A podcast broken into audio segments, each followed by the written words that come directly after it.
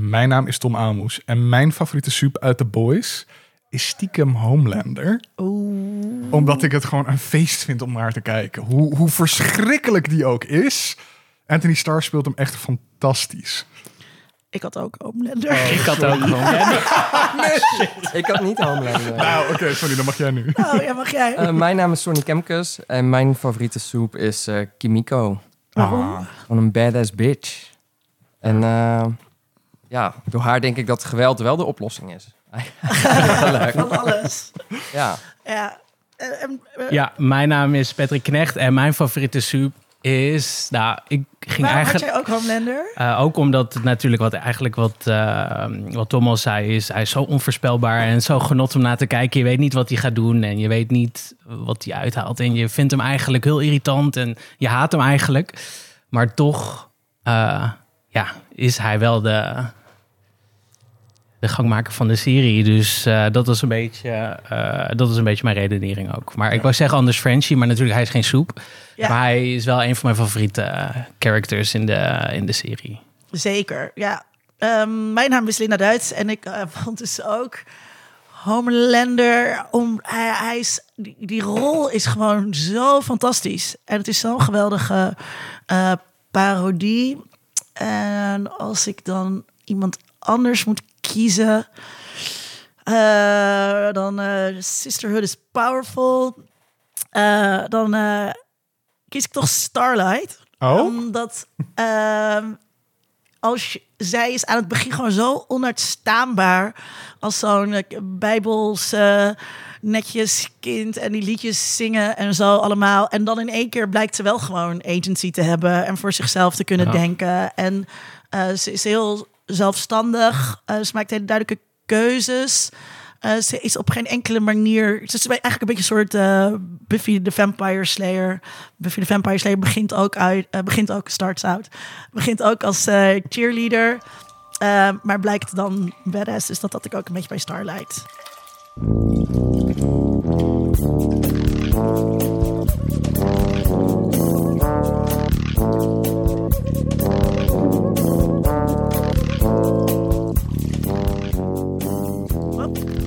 Is ondertussen heel veel Heel aandacht agressief.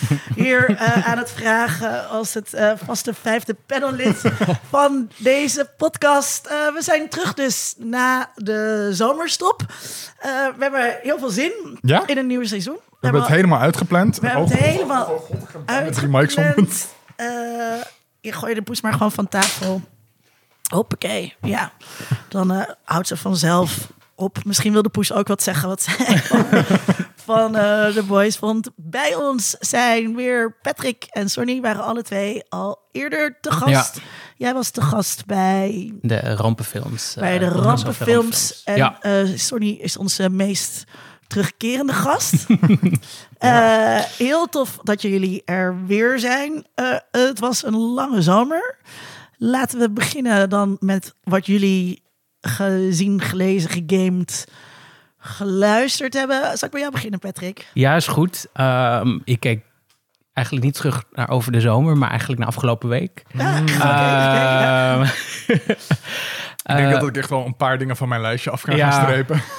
Ik zat een beetje te denken, oké, waar ik eh, afgelopen week... ehm, waar, wat ik heel leuk vond om te zien was eigenlijk She-Hulk.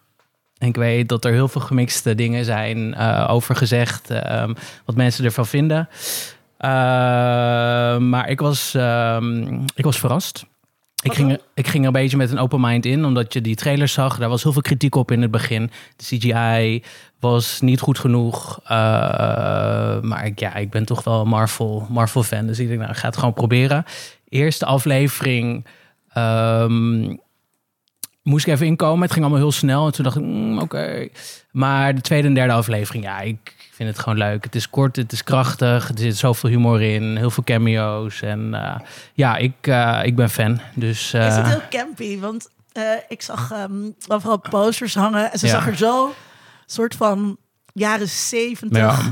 Eh, eh, swamp thing, slecht gesminkt Nee, uit. dat valt, dat valt heel erg mee. Je moet er wel een beetje doorheen kijken. Want dat had ik toen ook altijd met de Hulk. Die Incredible Hulk eh, uit 2006 en uit 2008. ja, het is toch wel, ja, er is altijd heel veel CGI. en ja, daar moet je een beetje doorheen kijken. En tegenwoordig kunnen ze dat natuurlijk hartstikke goed. Maar ja, het is en blijft wel. Het is heel veel in die vorm, dus je blijft het zien. Eh, maar als je er inderdaad een beetje doorheen kijkt, of, eh, dan, dan valt het heel erg mee. Ik vond het wel lastig. Ik, ik, vind- ik vind het echt veel leuker dan ik had verwacht. Alleen als je echt een paar minuten naar dat groene hoofd zit te kijken, Ja. dan. dan ja, ik, het voelt een beetje als gemiste kans. Weet je, als dat echt net iets beter was, dan dacht ik van, nou, dit kon echt gewoon eh, gi- gigantisch succes zijn. En Maar- nu blijven maar mensen daar, ja, blijven mensen daar toch een beetje op hangen. En ik denk ook wel een beetje terecht. Maar nu, vooral de derde aflevering, als het iets meer zijn eigen ding begint te gaan doen, iets meer die rechtbank eh, dingen ook. Dat wil ik zien. Dat vind Ja. ik leuk. Ja. Ja, en dat ben ik zeker met hem eens. Het is gewoon inderdaad wel leuk. Zo een keertje wat anders ook.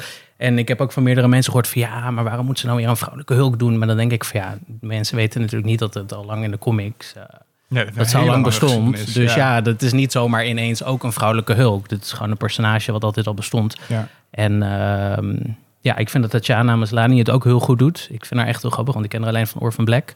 En Oh, ehm, zij is dat? ja, Ah, nice. ja, dus ehm, ja, dat is eh, iets waar ik... eh, een van mijn tips van afgelopen, Ja. afgelopen week. Had je nog een tweede? Nee. Nee? Nee. Sonny. Ehm, nou ja, ik ging ervan uit dat, dat de usual suspects genoemd zouden worden. Dus Maar ik straks dacht, gaat niemand Ja. de usual suspects Dat noemen. ik ook aan het Ja, ja, ik, ik heb ze op mijn lijstje staan. oké, dan ga ik voor eh, Under the Banner of Heaven. Oké. Oh.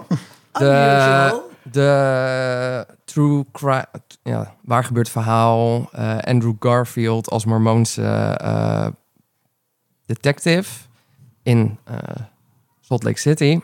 eh, jaren 80. En er worden opeens Mormoonse mensen vermoord. En eh, ja, vanaf, eh, ik zat er meteen in. Het is echt, het ziet er geweldig uit. En hij speelt het echt geweldig. Die, die crisis van geloof waar die in komt. Want ja, ik, ik ken de Mormonen alleen van South Park.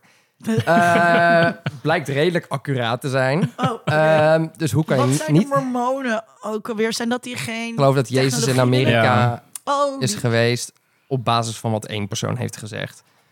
Ehm, Ja, The Book of Mormon. Ja, believe me bro, I totally read in a book. Ja, Ja, en, en er zitten ook wat interessante dingen in over eh, de, ja, de hele conservatieve eh, stroming. eh, die dus vindt dat je meerdere vrouwen moet hebben. En ja, nog heel wat bizarre regels. eh, en hoe dat met elkaar botst. Ja, ik vond het echt super interessant. Dus eh, dat is echt een tip. En ik eh, heb het idee dat bijna niemand daarvan gehoord heeft. Ik niet. want waar is die te zien? Disney Oké. Oh, ik heb hem volgens mij wel voorbij zien komen. Ja, ik heb hem ook voorbij zien komen, maar niks trok me eraan. Maar als ik het zo van jou hoor, denk ik, oh, toch wel een kansje geven. Zeker doen. Had je nog een tweede? Eh, Je kan nu tweede, nog... Je mag ja, je hem gewoon pakken. voeten wegwaaien. Ik heb er- ik heb er meer. Ehm, Lord of the Rings. Ja. Kom maar ja, ik moest één van de drie kiezen. Ehm, ik, was, ik verwachtte er echt niks van. Sterker nog, ik zat op min 10 qua verwachting. Eh, ik vond de trailer, ja, ik dacht van... Pak me, het interesseert me niet. Maar Eh, ben, je, ben je Lord of the Rings fan?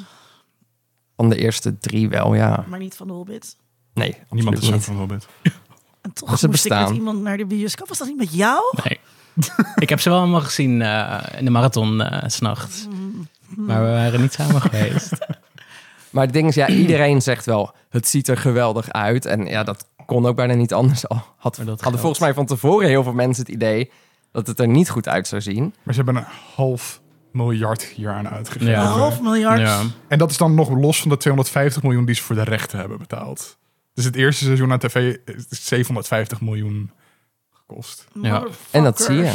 Ja, Ja. je ziet het. Goed, goed, je ziet het. Ja. Maar ik zat, er, ik zat er gewoon meteen in. Ik voelde me meteen weer in die wereld. Ondanks dat het eh, veel eerder eh, speelt.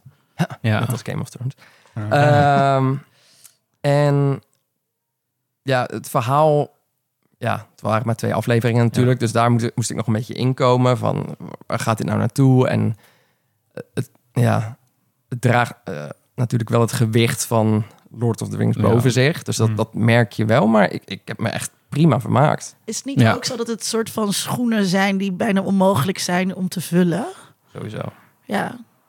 En, eh, Maar ja, ze gaan wel vijf seizoenen maken of Ja. zo. Dus, dus ze hebben de tijd. Ze hebben onbeperkt geld. Dus eh, wat ze ook ik ben in, eh, eigenlijk in- in heel enthousiast. Stoppen. Ja. Jij, Patrick? Ja, ik vond het ook. eh eerste aflevering dacht ik. mm, en vooral ehm, hoofdpersonage, de eh, vrouwelijke hoofdpersonage. Dacht ik, ach, is dat weer zo'n zeurende. ik werd er moe van. En toen dacht ik, ja, want als ik me dan aan iemand erger in een serie, dan. Want er wel moeite mee. Maar de tweede aflevering vond ik er heel goed en was heel sterk. En dan merk je dat je er wat meer in zit, inderdaad. Eh, ja, ik, ik ben ook eh, verrast. We hebben het, ja, we hebben zaterdag gekeken achter elkaar ook. En eh, ja, ik ga zeker, eh, zeker verder kijken. Ik kwam vrijdag thuis van werk en ik heb het gewoon direct opgezet. gewoon Jasmine had geen keuze. gigantisch. Oh ja, Oké. Ja, dat is echt. Oh, maar dat, dat is een beetje weggezakt over de jaren. Maar ik was echt aan het begin van mijn puberteit, zeg maar tussen 11 en 14, 15. Was was ik echt Tolkien fanboy? gigantisch. Ik, ik las het constant, gewoon back-to-back. Ik was klaar met de boeken, beginnen weer aan het begin. Ik keek de films gewoon constant. Uh, Oké. Ik heb de Silmarillion, nagelaten vertellingen, uh, al die andere boeken eromheen allemaal gelezen. Um, dus dat zit er allemaal nog ergens. ja, ik word er enthousiast van, oké. Um, maar dat zit er dus allemaal nog wel in, maar het is een beetje een soort van weggeëpt. En ik zette dit aan en ik zag dingen op tv gebeuren waarvan ik soort van... De 12-jarige Tom had nooit verwacht dat hij de bomen van Valinor zou zien. En weet ik veel, al die mythische dingen uit de Lord Rings. En ik zat gewoon alleen maar, yes, op die bank. Ik vond het heel vet. Um, het verhaal moest nog inderdaad wel een beetje inkomen. Um, ook met sommige verhaallijnen ben ik nog steeds niet over uit of ik dat nou tof vind. Maar gewoon weer in die wereld zijn en de wereld in die tijd. En verhalen die verder nooit ingevuld zijn, die verder uitgewerkt worden, vind ik heel leuk. Uh, dus ik ben zaterdag gelijk naar de boekwinkel gegaan. Ik heb de Silmarillion weer gekocht. Oh. Want die had ik niet meer in de kast staan. Uh, dus daar ben ik nu ook weer mee bezig. ik, was er, ik was er heel blij mee. Maar de serie is dus is losjes gebaseerd op het, de, een, een, van de latere stukken in de Silmarillion. Dus de Silmarillion gaat eigenlijk over de era ervoor. mm -hmm. Over Morgoth, dat je kort in de intro hebt zitten. En dit deel pakt het eigenlijk daarna op. En dat is eigenlijk een gebied dat Tolkien bijna niet heeft uitgewerkt. Dus je hebt de eerste era is heel erg uitgewerkt. De derde era is heel erg uitgewerkt. De tweede, heel veel vraagtekens. En dat is waar deze serie in zit. Dus dan kan je ook een fans ook niet heel erg teleurgesteld Nou, maken. ze hebben wel de, Nou. een beetje dat er is, hebben ze wel heel Ja. erg veel compacter gemaakt. En nu zijn de fans, die zijn er zo zuur over. Ja, je ik had allemaal het zure nerds op fora en ik word daar zo moe van. Die gewoon eh, alleen maar zitten te haten op elk kleine dingetje dat Ja. veranderd is. En daar kan ik echt niet tegen. Ja, volgens mij De hebben ze... zwarte elf. Ja. Oh nee. eh, Blablabla. Ja, Dat pakten we ook nu weer van ons af. want volgens mij hebben ze zelfs bij eh, Amazon, hebben ze bij IMDb, hebben ze de, de ratings... eh Ja, omdat gereviewbomd gingen, werd. Ja. gingen ze... Ja, dus echt, echt een Ja. haat. Dat je als Het is volwassen man- Last Jedi. Ja. Het, is echt, het is echt bijna Last Jedi, doet het me aan denken. Echt? Dat, is je echt al- heel zuur. Dat je als volwassen man dat op je zolderkamertje zit te doen en dan ben je gelukkig met jezelf. ja, nee, of- maar dan ben je toch niet gelukkig met Nee, jezelf? En daarom doen ze het. Nou, het is, het is, het is eigen aan fans, hebben we het al vaker over gehad in deze podcast. Mhm. Eh, dat, ze, dat ze in een soort strijd zitten met, eh, met producenten over betekenis en over de invulling eh, aan, aan de objecten van hun fandom. En wat nu natuurlijk nieuw is, is dat... eh, kijk, vroeger zaten ze gewoon in hun kelders... Het, waar ze woonden bij hun moeder. Een En had beetje je lullig om te zeggen, maar Een fanzientje of zo dat lokaal verspreid werd. ja, En, zaten, ja. zaten ze daarin te klagen. En nu is het natuurlijk, natuurlijk op sociale media. En eh, besteden andere media daar ook weer Ja. aandacht aan. Waardoor dat soort stemmen versterkt worden. Terwijl het is Ja. een best wel kleine groep Mhm. die dit vindt. Of het is heel onduidelijk hoe groot die groep is. En het lijkt me dus vooral voor, ehm voor hen zelf zo jammer dat het, het, het, eh, het object van je fandom dat je plezier moet geven, dat je dat de hele Ja. tijd laat vergallen. Ja. Ja, en als je niet In leuk vindt, hoef kijk, je niet te kijken. Ja. Jij bent nu zo blij hiermee, weet Ja, je wel? In plaats van dat je blij bent dat er weer iets uitkomt of iets mee gedaan wordt, dat je alleen maar op deze manier zuur. Ja. ja, dat is heel zonde. Ik moet wel zeggen trouwens dat ik had het dus opgezet. Jasmine had daar geen keuze in. En Jasmine is halverwege de tweede aflevering gewoon iets anders gaan doen, omdat zij het tergend saai vond. Ehm, dus, dus de meningen verschillen wel daarmee. Ja, ik vrees dat ik, dat, eh, dat ik, dat ik een jazzman ben in dit Ja. verhaal. Maar we hebben al een aflevering ingepland Ja. hierover. Dus ik ontkom er niet aan om, het, eh, om het toch te kijken. Maar dan zal ik proberen om niet heel zuur... om niet heel zuur te zijn, maar alleen de dingen te benoemen die ik leuk vond. Ehm, dat was hem. Nou ja, ik heb nog wel tien dingen, maar Ja. eh, laten we het hierbij houden. Tom. Eh, nee, ik had die dus sowieso. Ehm, ik ben natuurlijk ook begonnen aan House of the Dragon. De andere onvermijdelijke eh, eh, voor, voor, voor nu. Gaan we ook een aflevering over maken. Dus ik kom er nog uitgebreid op terug. Mhm. En ik ben da- daar ook heel blij mee. Kijk eens. Ja, ik ben alleen maar blij. Ik zit weer helemaal in een soort fantasy flow. Gewoon Ja. gekke worldbuilding, draken. Helemaal top. Helemaal gelukkig. Ja, Ehm, en ook met House of Dragon vind ik goed dat ze eigenlijk heel erg teruggrijpen op die eerdere seizoenen van Game of Thrones. Ook weer hele schoenen om te, eh, grote schoenen om te vullen. Ehm, maar dat ze heel erg op de kleine kamertjes, op de politiek, op character building eh, zitten. En dat vind ik er eigenlijk heel erg prettig aan. Het is een soort van succession met draken voor mij. oh, dat belooft veel. Maar eh, Maar ook niet Oh, zo goed als Succession. grote Maar- schoenen om te vullen is het niet juist ook zo, omdat het einde zo kut was van Game of Ja. Thrones. Dat je, als je het beter doet dan dat onze kinderhandjes snel gevuld zijn. Nee, ik, maar ik denk echt dat iedereen was er eigenlijk best wel een beetje op uitgekeken, denk ik. En dat ze het nu toch weer weten te pakken. En dat er ook weer echt cultureel momentum achter zit. En dat, dat mensen het er weer over hebben. Je laat, laat volgens mij wel echt zien dat ze weer iets te pakken hebben. Dat die eerste seizoenen zo goed maken. Ja, misschien zit er ook Ja. voldoende tijd tussen. Ja, Ja. Dat, En dat iedereen denkt van, hey, dit is al een af verhaal. Ja. Ja. What can go wrong? ja. Ah ja, hebben jullie Ja. al gekeken? Nee, ik Eh, de eerste twee kijken. heb ik. En jij eerst twee? Ja. En? Genoten.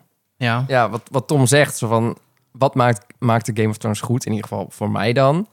Ja, dat was dat, dat gewoon aan een tafel zitten praten. ja. En bij aflevering 2 dacht ik, oh, ik, ik weet zeker dat mensen nu gaan zeggen, oh, wat een saaie aflevering. En- Maar dan gebeurde er toch opeens nog wat. Dus ja, ik, ik, ik vind de balans prima. Ehm, ik vermoed dat het natuurlijk straks wel wat eh, meer richting, eh, wat was het, seizoen 5 van... Ja, ik bedoel, in aflevering hè? 3 zit al wat meer actie dan in de eerste twee. Ja. Maar eh, ja, zin in de rest, absoluut. Veel is er, hè? Ik heb Ja. echt Ja. het gevoel dat ik helemaal overdonderd word. Had je nog een tweede? Ehm, ik ben ook nog naar Nope geweest. Oh, ja. Jordan Peele's nieuwe film. Oh. Ehm, en daar ging ik heel erg in met het idee van... Nou, hier komt de cultuurkritiek. Let's Ja. go. Nee? Nee, ik bedoel, er zitten wel slimme ideeën in over kijken, bekeken worden, eh, eh, publiek en, en de maker en zo. Dat soort dingen allemaal. Er zitten wel thema's in.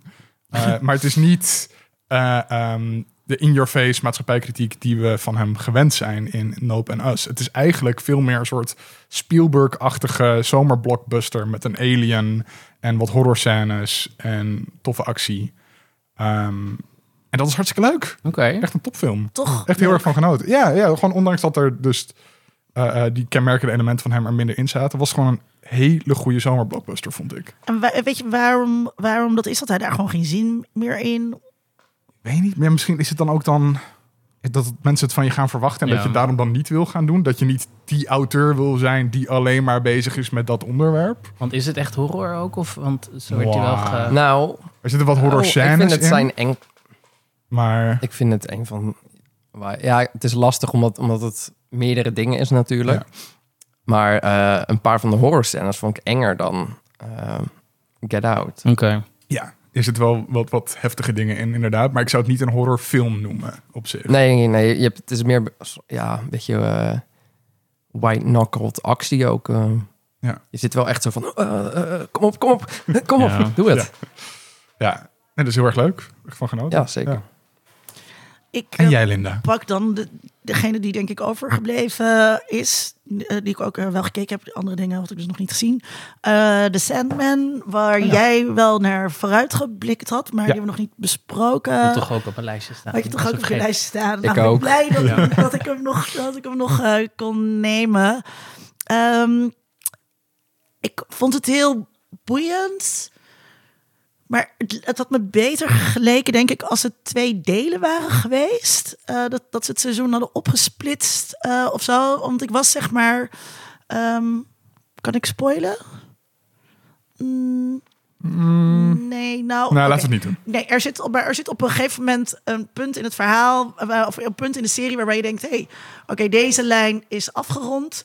En dan zijn we nog niet klaar met het seizoen. En ik had heel veel moeite om te schakelen eigenlijk tussen die twee delen. Dus dat dat voor mij, al was het maar aangekondigd of zo, als een part one en een part two, dan had had ik daar makkelijker mee kunnen omgaan dan de manier waarop het nu was. Verder vond ik het heel eh, intrigerend, mooi gemaakt, goed gespeeld. En, ehm, maar het allerleukst vond ik eigenlijk de eh, animatie die helemaal eh, aan het eind zit. Ah, Eh, met de katten. A Dream of a Thousand Cats heet het, geloof ik. Gemaakt volgens mij door een Nederlandse animatiemaatschappij. Sonny knikt ja. En ehm, ja, dat vond ik eigenlijk nog, nog mooier. Maar, en ik vind het gewoon... ehm, ik ben dus niet zo erg van de fancy, maar wel van Neil, Gil, Neil, Neil Gaiman. En het is gewoon heel leuk om over dit soort dingen na te denken. Als een soort Griekse goden, een soort van Mhm. oorspronkelijke ehm, super, superhelden eh, of zo. En dat je dan dus inderdaad Dream en Desire hebt. En dat die tegen elkaar opboksen als primaire krachten. Ja, wat vond jij? Ja, hetzelfde. Ik was ook wel eh, verrast. Ik heb niet alles gebinged, dus misschien dat het voor mij iets makkelijker was. Te, ik weet niet of jij het had gebinged, maar ja, het was in de inderdaad ja. achter elkaar gekeken, ja. Kijk, dan misschien zat er iets meer tijd tussen. Dus ik had het niet helemaal, maar ik snap wel welk punt je bedoelt en ben ik wel met je eens. Eh, hetzelfde, het was goed gespeeld. Eh, ik had geen verwachtingen, dus het was alleen maar goed. En ja, ik hou gewoon van fantasy-series ook, dus dat was wel echt. Ik, ehm, ik ben wel fan meteen. Dus ik, volgens mij komt er ook sowieso wel een tweede seizoen. Had jij, Mm. had jij American Gods Nou, dat moeten ze nog eh, beslissen. oh. Ja. Want dat vond ik dus niet zo sterk. En dus Ja. daardoor was ik een beetje huiverig over Dat was deze. seizoen 2, aflevering 1, seizoen 2, halverwege afgehaakt. Ja. Bij American Gods. Ja. Ja, ja, ik hetzelfde, ja. Nee, ik had wel alles Ik afgekeken. heb aflevering 1 en 2 van American Gods gekeken. Maar dat was net nadat ik het boek gezien, eh, gelezen had. eh, begin deze zomer. Dus toen zat ik eigenlijk een beetje op mijn tax. Ja. Dus toen ben ik niet verder gekeken. Maar dat heeft niet te maken met dat ik de serie niet goed gemaakt vond. Ehm, maar ik heb wel gehoord dat dan die showrunner na seizoen 1 vertrekt. En Ja. dat dan Er waren heel veel problemen heel, achter heel de veel schermen. rond de serie achter de American schermen. Gods Bij? American Ja. Gods, ja. En Sandman? Oh, Sandman. Eh, eh, ik vond tot waar ik gekomen ben, want ik ben nog niet klaar. Ik ben bij aflevering 7 volgens mij. Dus net bij die switch naar dat tweede deel. Maar dat eerste deel vond ik heel sterk. Ik heb ook die eerste comic alleen gelezen. En ik vond het heel vet hoe ze dat naar tv hebben weten te vertalen. Hoe het droomachtige en het surrealistische van eh, eh, die comics. eh, ik, had echt iets, aan- maar dat kan je bijna niet verfilmen. En ze zijn er toch best wel in de buurt gekomen dat, dat ik het geloofwaardig vond. Ja, Eh, dus dat vond ik heel vet gedaan. ja. Ze waren er ook heel lang mee bezig, toch? Of in ieder geval de pre-production en zo, eh, jarenlang. Nou, ze proberen het sowieso al volgens mij al 30 jaar te maken. Ja. Ja, Maar hoeveel, hoeveel boeken zijn er? Want half uit mijn hoofd. Oké, oh, dat Dus dit zijn de, Dus dit zijn de dus- eerste dus twee. daardoor is het misschien dan niet zo van... had dit in twee delen moeten zijn. Als zij denken van, we gaan toch vijf seizoenen maken of zo. ja, maar dit zijn dus de eerste twee verhalen. Dus dan kan je wel afvragen Ja. van waarom horen die dan bij elkaar Ja. in één seizoen? En dan kan ik wel bedenken dat, oké, dat eerste was dan misschien te weinig voor een volledig seizoen. Maar dat had je wel op een andere manier dan kunnen oplossen, denk ik. Ja, ik, ik snap... Ja, ik snap Netflix niet echt meer. Maar Wat dan? eh, ja, dat in één keer bingen... dat model is volgens Ja. mij gewoon een beetje klaar. Ja, alle, alle, bijna alle succesvolle series is één aflevering per week. Alleen Netflix voor bepaalde dingen blijft toch maar in één keer eh, alles erop gooien. En ik denk ook dit, het was er en het is nu alweer een beetje weg en ondergesneeuwd. Logisch. Maar als dit ook nog iedere eh, week een aflevering had, dan bleef het misschien toch iets langer ook eh, was die in- hype inderdaad het gesprek. eh, Ja, en dat merk je natuurlijk ook van House of Dragon en The Rings of Power. Gewoon wekelijks komt dat uit. En wekelijks heb je dan weer gewoon dat er een gesprek over gaat. een nieuwe podcast. ja. Een nieuwe podcast. Ehm, ja, dus ook, ook op werk zijn we ook bezig inderdaad met wekelijks podcasts nu over House of Dragon bij Skip Intro. Eh, ja, maar dat is gewoon ook heel... Smooth, Tom. Ja. Ja. Eh, luister de, af- luister aflevering van vorige week, daar zat ik in. Maar skip Eh, intro, vertel even. Eh, hele leuke popcultuurpodcast. Eh nee, maar dat, dat punt wilde ik niet maken. Maar Ik is meer dat gewoon media, voor mediamakers is dat ook gewoon hartstikke lekker. Dat je dus elke week iets hebt om over te praten en een gesprek waar je op in kan haken. Dus, ja, en dat werkt. Dat werkt om Ja. hype rond die serie te bouwen. Maar dat is denk ik dus wel. ehm, net als ehm, dat ehm, platenmaatschappijen nu de logica van TikTok gaan volgen en liedjes maken die, heel goed op tik, die het heel goed op TikTok Ja. doen. Die goed na te zingen zijn, waar je goed dansers op kan doen. En dat dicteert de hele eh, inhoud, zeg maar, Ja. van de muziekindustrie, wat heel deprimerend is. is het bij dit dus dat ehm, deze streamingdiensten heel erg op die medialogica gaan zitten van podcasts die er zijn en de hype die er elke week is. Ja. Ehm, wat we denk ik echt ook wel te danken hebben aan Game of Thrones. Wat een van de eerste series was die weer brak met dat eh, binge-model. Ja, en, en ik denk nog meer Mandalorian. Mandalorian was echt vanuit Disney een hele bewuste keuze om wekelijks te gaan. Ehm, en Game of Thrones was meer een HBO-serie, die, dat sowieso, die deden dat sowieso altijd al. Ja, maar, en dat, dat het, eh, dat, maar toen bij Game of Thrones werkte het heel, Mhm. heel erg. Tenminste, het was in heel lang, zeg maar, dat er een serie was die iedereen eigenlijk echt direct wilde Ja. zien als Ja. die uitkwam vanwege spoilers op sociale media. Ehm, terwijl ik weet dus niet of het nou voor kijkers eh, het, het allerfijnst is. Ehm, want ik vond het dus wel fijn om de Sandman achter elkaar eh, te kijken en echt in dat eh, verhaal te duiken. En ik heb helemaal geen zin om nu meerdere series te hebben die ik weer, waar ik elke keer maar één aflevering kijk. Ik hou Misschien- heel erg van achter elkaar. Misschien hebben ze het daarom juist wel in één keer gedaan. Zodat ze voor de Nou, ik andere grote series klaar. Ja, waren. Ik denk dat, ze, dat, dat, dat bij Netflix dus wel. Ik kan me niet anders voorstellen dat dit een bewuste keuze was. Omdat ze wisten eh, dat House of Dragon eraan kwam. Dat Lord of the Rings eraan kwam. Dat, je, dat ze wisten daar kan je met de Sandman tegen dat bestaande fandom kan je niet op eh Nee. boksen. Ja, want bijvoorbeeld Better Call Saul was natuurlijk wel iedere week. En in mijn hoofd is dat een groot succes. Ja. Ik weet niet of er hier net zoveel mensen naar kijken als dat ik hoop. Maar ja, dus ja, ze doen het wel. Maar ja, ik, ik heb er dus ook te veel achter elkaar gekeken, denk ik. ja. Eh, waarvan ik later dacht, oh, ik had misschien iets meer tijd. Ja, want dat is Tussendoor wat wij dus ook met Game of Thrones, met eh, House of the Dragon doen. Is dat ik wacht nu drie weken en dan kijk ik er woensdag Hmm. eh, drie achter elkaar. ja. Toch om weer...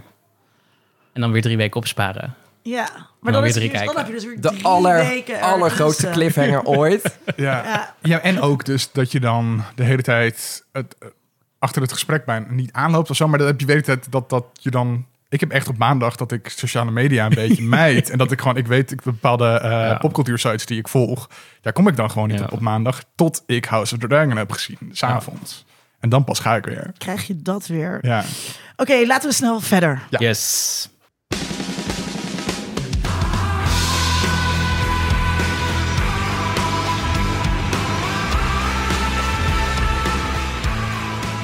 We gaan het dus hebben over The Boys. Te zien eh, op Amazon Prime. Eh, er zijn al drie seizoenen. Ik had het idee dat de serie eerst een beetje niet echt op iedereen's eh, radar zat.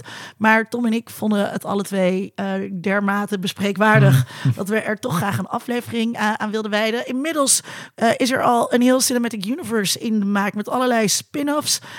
Er is ook al seizoen 4 aangekondigd voor volgend jaar. Eerst even een kort rondje om een indruk te geven aan de luisteraar. Wat vinden we van de serie? Nou, wel grappig, omdat het eerste seizoen werd dus in één keer gedropt. Tweede en derde seizoen is dus wel per aflevering gedaan.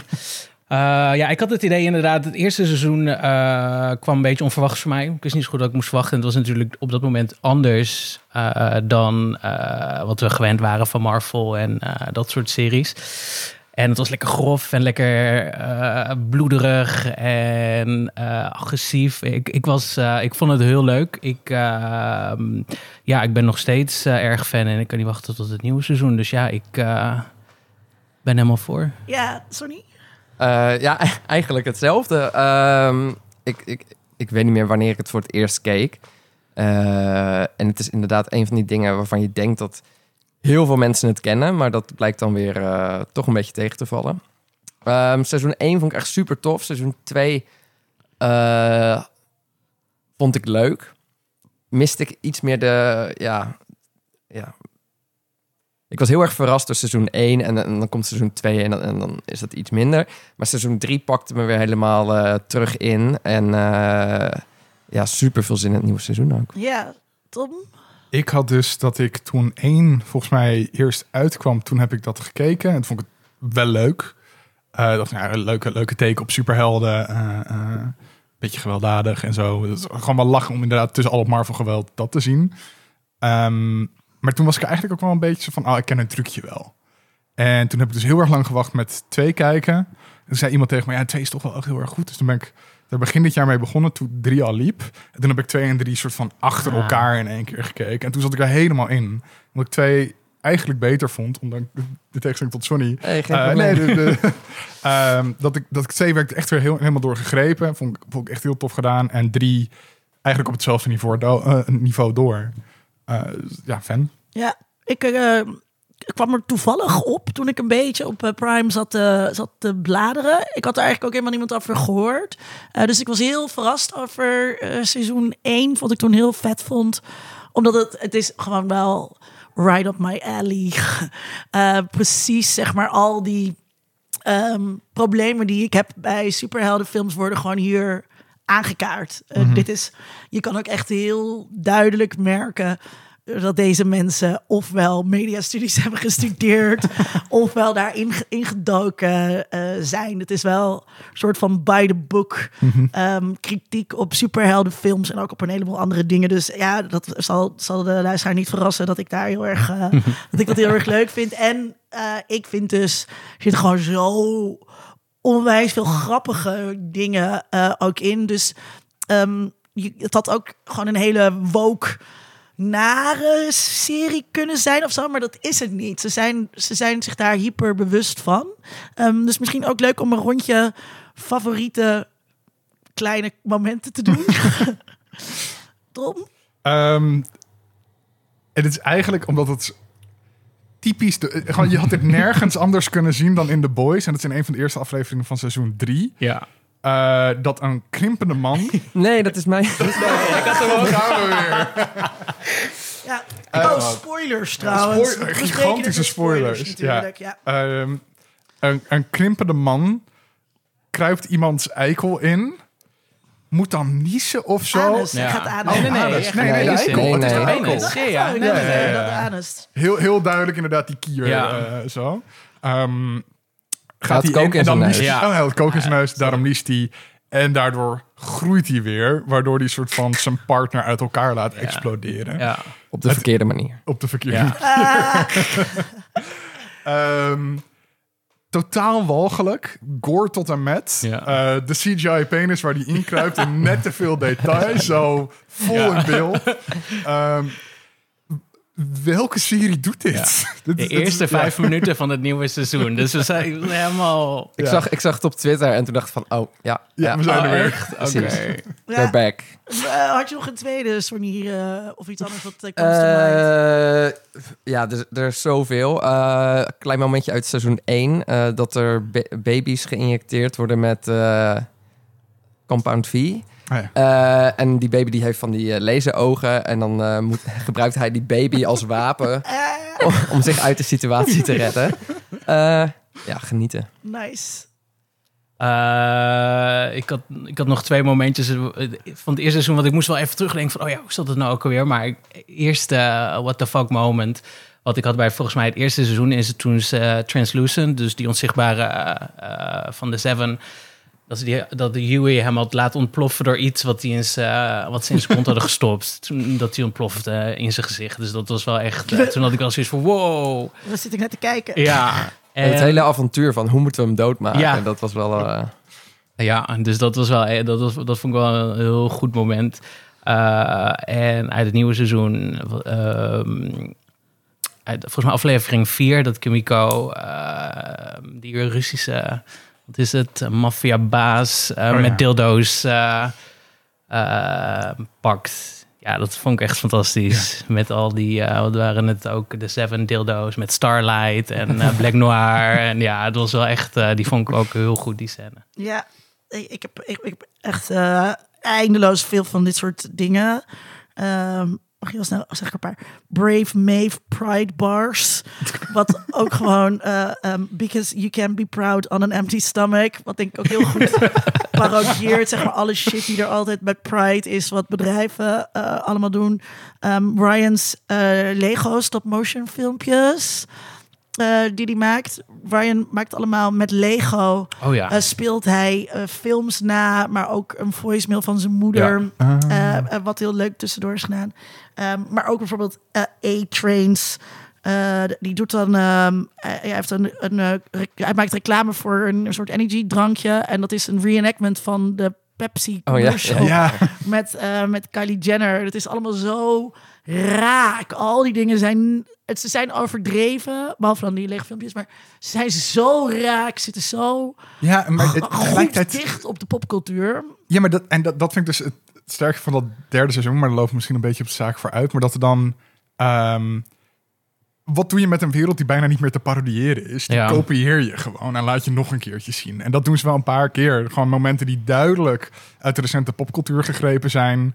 Die ze gewoon dunnetjes overdoen. En zitten van, ja, ja, inderdaad. Ja, Maar dat laat wel zien hoe ziek ja nee, eh, precies. onze, onze popcultuur is. Dat, Ja. dat al deze dingen, dat het lijkt alsof ze dat verzinnen, maar dit is gewoon de mediawereld ja. die, we, die we hebben. Ja, komen we zo nog over te, te spreken. Ehm, dingen jullie sterk vinden aan de serie, bepaalde aspecten die je wil noemen. Eh, ja. Eh, waar te beginnen? Eh, acteerwerk ten eerste, denk ik. Ja. Je, je gaat echt met die mensen op een, op een, op een reis of zo. eh, of in ieder geval met de boys dan. Eh, en, en ik, ja, ik vind ze allemaal leuk. Ze zijn allemaal echt eh, individuen. Iedereen heeft zijn eigen redenen. En ik stan sowieso eh, Frenchie en eh, Kimiko eh, als koppel. Ja, Eh, maar dan heb je ik dat ook heel erg Frenchie, echt. Ja. Ehm, maar ja, ja, en dan Homelander natuurlijk. Dat, eh, wat je al zei, dat... Ja, ik weet niet of het zonder Homelander zou het werken. Ik denk het niet. Het zou heel Nee, anders zijn. Hij is een soort van het zwarte hart van Ja. de serie. Niet, Ja. ja. Ehm, ja, Alles. ja al- alles. nou ja, ehm, de humor, de vaak uitstekende actiescènes ook. Ja. Eh, Mhm. CGI eh, ziet er beter uit dan eh, bepaalde nieuwe Star Wars films of zo. Ehm, nog meer? Nou, eh, Patrick? Ja, ik had hetzelfde. Het acteerwerk, mensen zijn zo goed gecast. Het is Mm. echt, ik vind het, eh, ik vind dan ook fijn dat het niet al te eh, bekende gezichten zijn. Op een, paar na dan. eh, maar dat vind ik altijd wel fijn. Ehm, ja, en inderdaad, wat, wat Want je waarom als. vind je dat fijn? Ja, want dan is het wat geloofwaardiger, vind ik, voor mij.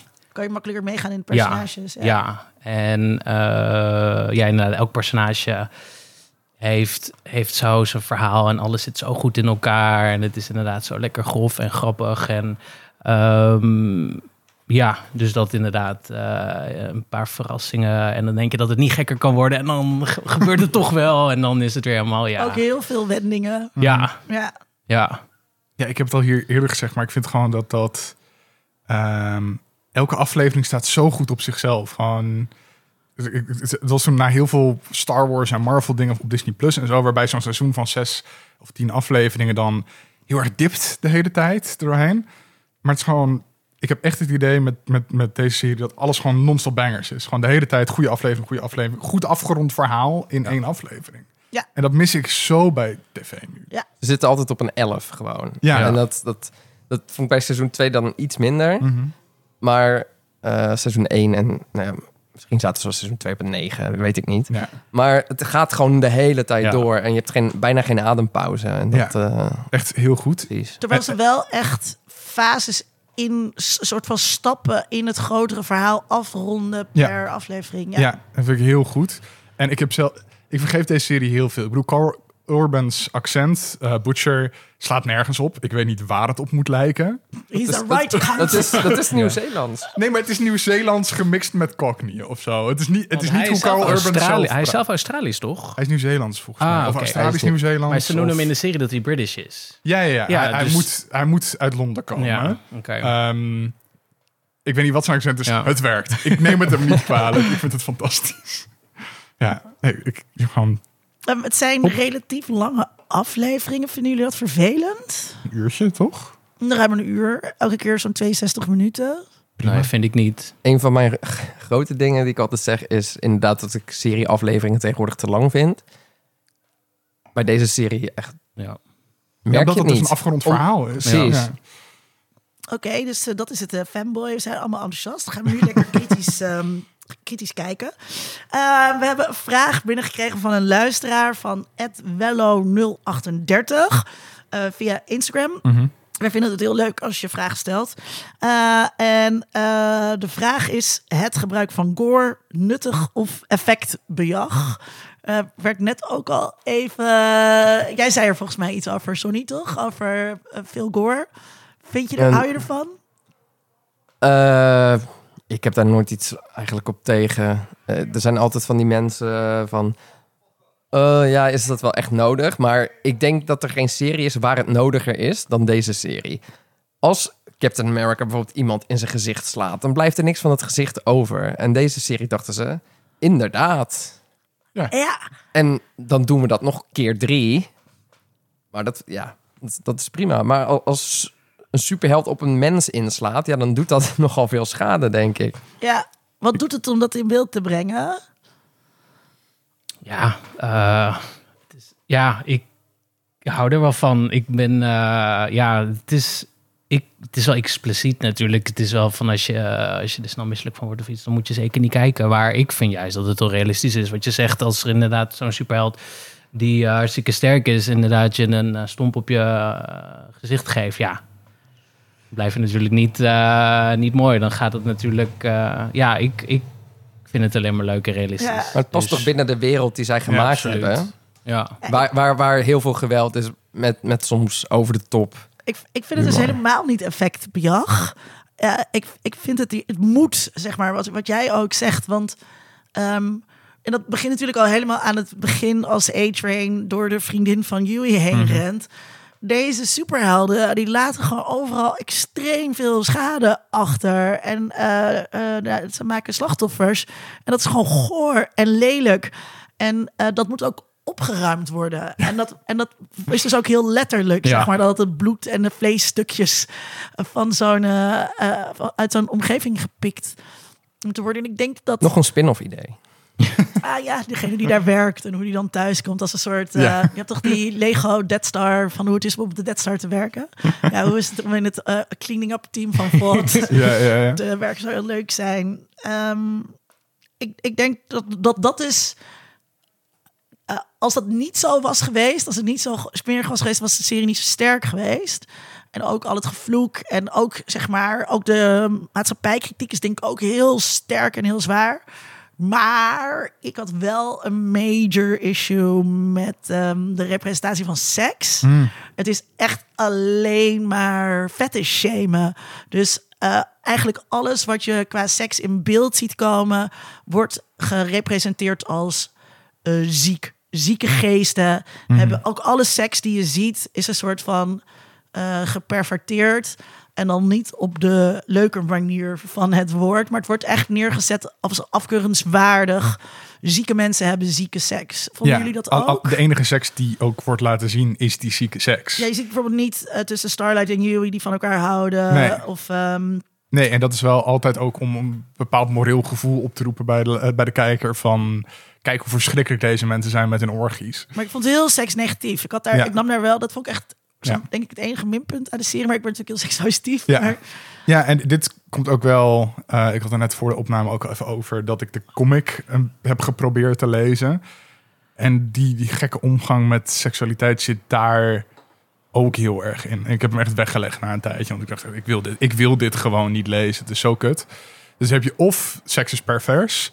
of seks wordt gebruikt door mannen om vrouwen te domineren. Dat is wat de comic is. ja, Ja, dat is heel lelijk. Dus de introductiescène van Butcher is dat hij bij zijn CIA-contact aankomt, haar direct neukt en daarna haar even gaat uitleggen hoe het allemaal zit. Dat is heel lelijk. Het is echt een van de kutste dingen die ik in tijden heb gelezen. want dat hebben ze dan in de serie nog enigszins gecorrigeerd. En dat hebben ze weggelaten, maar dat deel hebben ze er wel in gehouden. Ja, Oh, ik heb me. Het, het is mij helemaal niet zo op. Het, ja, nu je het zegt en ik over nadenk. En waarschijnlijk als ik er zo meteen ga kijken, dan Ja, kom, ga kom je er niet meer valt aan. het me- Ja. ja, valt het me meer op. Maar ik, ik stoorde me er niet, niet per se aan. Nee. ja, het is natuurlijk iets waar ik, Ja, waar ik daarom. Ik dacht, op let. Ik wil best naar die orgie toe. Ja, Dat lijkt me echt een prima tijd die je daar hebt. Herogasm. Herogasm. Ja, nee, wat voor Oh. naam was nou ook weer gegeven aan eh, die gast met die eh eh, groeiende penis? Oh god, ja. Daar zat ik, daar zat ik, Love sausage? Ja, met, love is sausage. Zoiets Ja. toch? Ja, dat was het. Wat is jouw superkracht? Ja, en dat vond ik dan wel vond ik natuurlijk, dat is ook heel grappig. Maar hoe is dan dan ook eh, Mother's Milk ermee pesten dat hij daar bijna door gewurgd is en zo. Eh, ja, nee, ik wil dat niet voor mensen verpesten, maar dat zoiets eh, valt, valt mij dan wel heel erg op. En dat vind ik wel zonde. Maar goed, dat is een beetje, dat is een beetje aan mij. Wat ze wel, denk ik, waar ze wel heel erg bewust zijn geweest, eh, is de representatie van gender.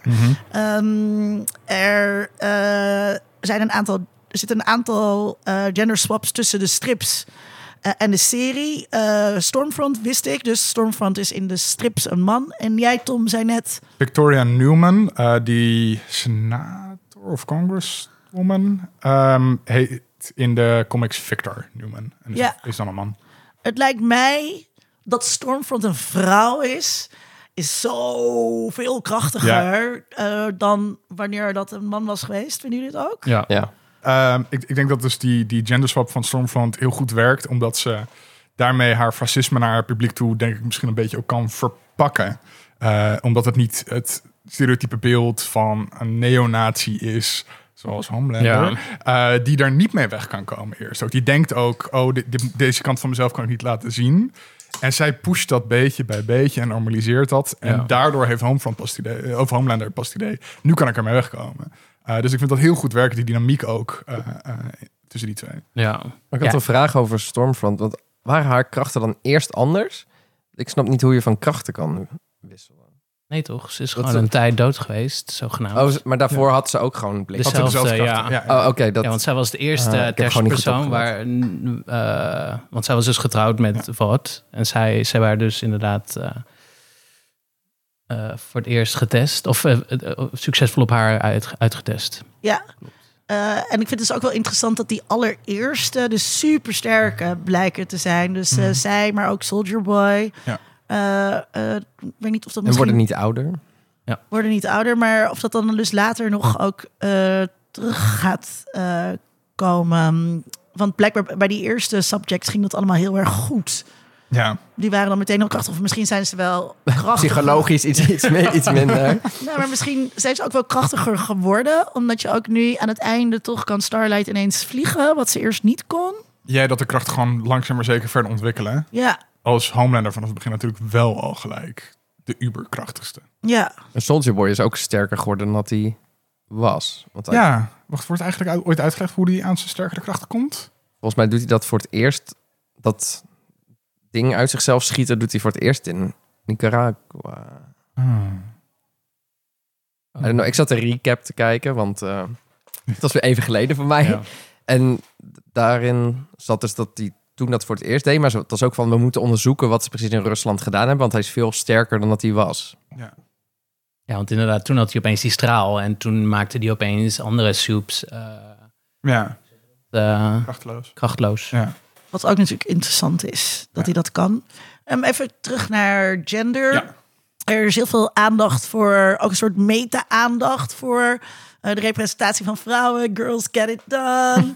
Ehm, ik denk dat ze heel goed hun best hebben gedaan om vrouwen heel gelaagd neer te zetten. Eh, heel veel eh, verschillende eh, aspecten, vrouwelijkheid, agency, bla bla bla, allemaal bij de boek. Ze hebben niet alleen mediaseries gedaan, maar ook een minor gender gevolgd. maar als het over mannelijkheid gaat, is het denk ik best wel een eenzijdig beeld. We krijgen heel veel wat Wakke mensen mannen. zwakke mannen noemen of giftige Mhm. eh, mannen. Hoe vonden jullie dat als personen die zich als man identificeren? Nou, ik zag, ik zag inderdaad staan dat je dat had gezegd. En toen dacht ik, zit er een sterke man in? Überhaupt iemand die niet heel veel issues heeft? Bijna niet, volgens mij. Er zit geen man in zonder issues. Nee. Te denken, volgens mij. Nee, maar, maar zitten er vrouwen in zonder issues? dus ik, ik vind dat... Ik vind de, de Ja. Ja, ik de, snap- de, ik de snap wat je mannen worden ook wel... eh, ehm, worden niet in het beste licht neergezet natuurlijk. Maar zijn wel gelaagd. Je ziet waar het vandaan komt.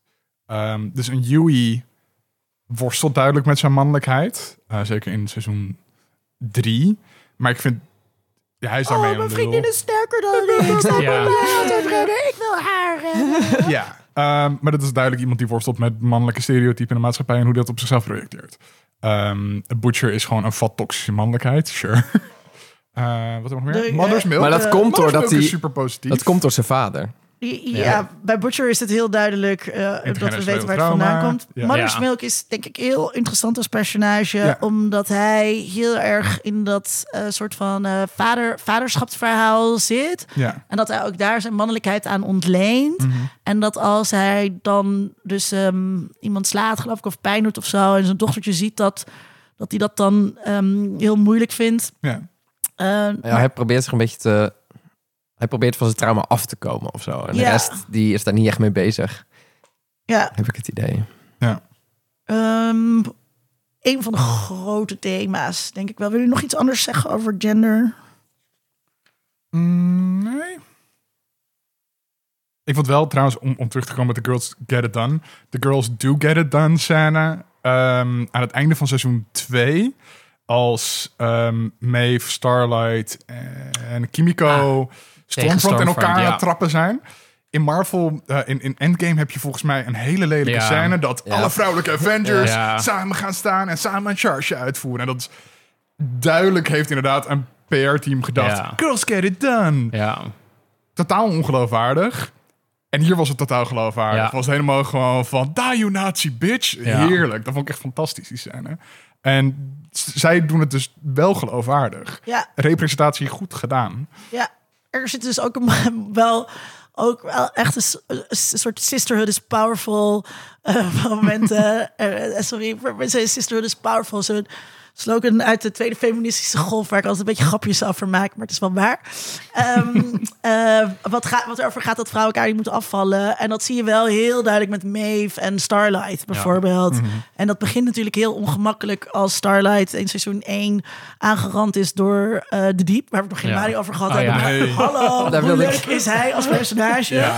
Oh, die verkrachting ook van Diep, dat ze dan in zijn kieuwen gaan. Ja. Oh, Oh, ja. Ehm, maar ehm, eh, waar eh, ja, je ziet een soort van die, dat begrip wat vrouwen onderling hebben over dit soort situaties. En hoe Maeve uiteindelijk natuurlijk eh, ook echt naar Starlight's kant komt. En Mhm. ook helemaal aan het einde van seizoen drie ook haar steun uitspreekt Ja. ehm, voor Starlight. Dat, ehm, Ja, want in het, in het eerste mijn seizoen... feministisch traantje weg, Pink. Maar Want in het eerste er seizoen staan ze toch bij elkaar op het toilet. En toen zegt zij inderdaad van, just suck it up. En eh, laat Ja. gewoon dat en dat zien. En Ja. inderdaad, ze draait natuurlijk 360 graden. En- Maar wel pas best wel laat. Ja, heel laat. Ja. Maar daar was ik ook wel blij mee dat het uiteindelijk kwam dat Maeve een beetje een character arc kreeg in seizoen 3.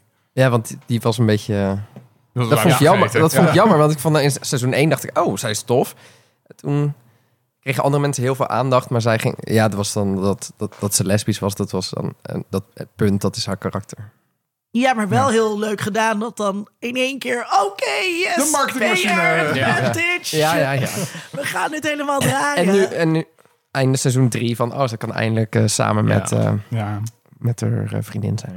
Ik Ja. ben benieuwd of haar dat gegund is. Ehm, eh, het gaat over superhelden, of het is kritiek op superhelden. Eh, dit is een vraag voor jou, Patrick, want jij bent super superhelden filmfan. Zit hier ook met een Deadpool shirt Is- aan. Oh ja, nog niet eens gezien. Is dit eh, Deadpool op een roze eenhoorn? Ja. Nice, Patrick. Eh, is dit voor superhelden filmfans? Ja, ik denk het wel. Ja? Ja, je gaat er natuurlijk wel anders naar kijken. Want als je bijvoorbeeld bij Marvel, je hebt van Disney, zie je niet veel bloed. Het is nooit echt bloederig. Het is heel erg eh, saai als je het vergelijkt met hoe dit eraan toe gaat. Ja, ik, ik denk als je echt superhelden fan bent, dat je dit ook zeker wel kan waarderen. Maar het is heel kritisch. Ja. Maar ja, het is denk ik waar je op let. Ik ben daar veel, ja, misschien ben ik daar zelf veel minder kritisch, kijk ik daar zo veel minder kritisch naar. En is het gewoon verstand op nul en gewoon lekker genieten van wat je ziet. Eh, dan dat je er echt kritisch naar gaat kijken. Maar waarschijnlijk heb je nu mijn babbel geburst. En nu ga ik er heel erg op letten en heel kritiek, eh, meer kritiek erop eh, hebben. Nee, het is denk ik, eh, ja, ik, ik denk als je superhelden genre, als je ervan houdt, dan kan je dit zeker wel. eh, Maar ja, dan zijn we weer een beetje terug van... Er is een kleine groep die misschien niet tegen kritiek kan... maar de rest kan daar denk ik wel gewoon Ja. tegen. Want het is wel echt een pure superhelden-serie. En wat is er mis aan een beetje kritiek? Nou ja, misschien veel kritiek, maar het is heel erg vermakelijk. ja. Ja, en ik ik- denk, als je, als je daar al voor, voorkomt, zeg maar, dan, dan ben je niet teleurgesteld. Ja, we hebben het natuurlijk ook heel vaak in de podcast over die spanning tussen eh, aan de ene kant ontfanschap voor dit soort popcultuur. En aan de andere kant het heus wel weten dat er een soort van zielvernietigende corporate machine achter al die franchises zit. Gewoon, Disney is geen leuk bedrijf. De hele, ja, gewoon, gewoon, ja. Dus, dus we hebben het ook de hele tijd met elke Star Wars serie over. Gewoon, oké, we kijken het nog wel een keertje. Maar Ja. we, we, we, snappen heus wel wat er gebeurt. Ja. Dat we gewoon het naar binnen gelepeld krijgen door, door die machine. Ja, en ik, ik vind het heel leuk dat het hier gewoon heel expliciet is. Heel Ja. erg aangekaderd wordt. Elke dynamiekje weer blootgelegd wordt. eh, worden. Ehm, en ook gewoon een soort van... Ja, tuurlijk zou Superman een fascist zijn. Ja. Want hij is een soort fascistisch icoon.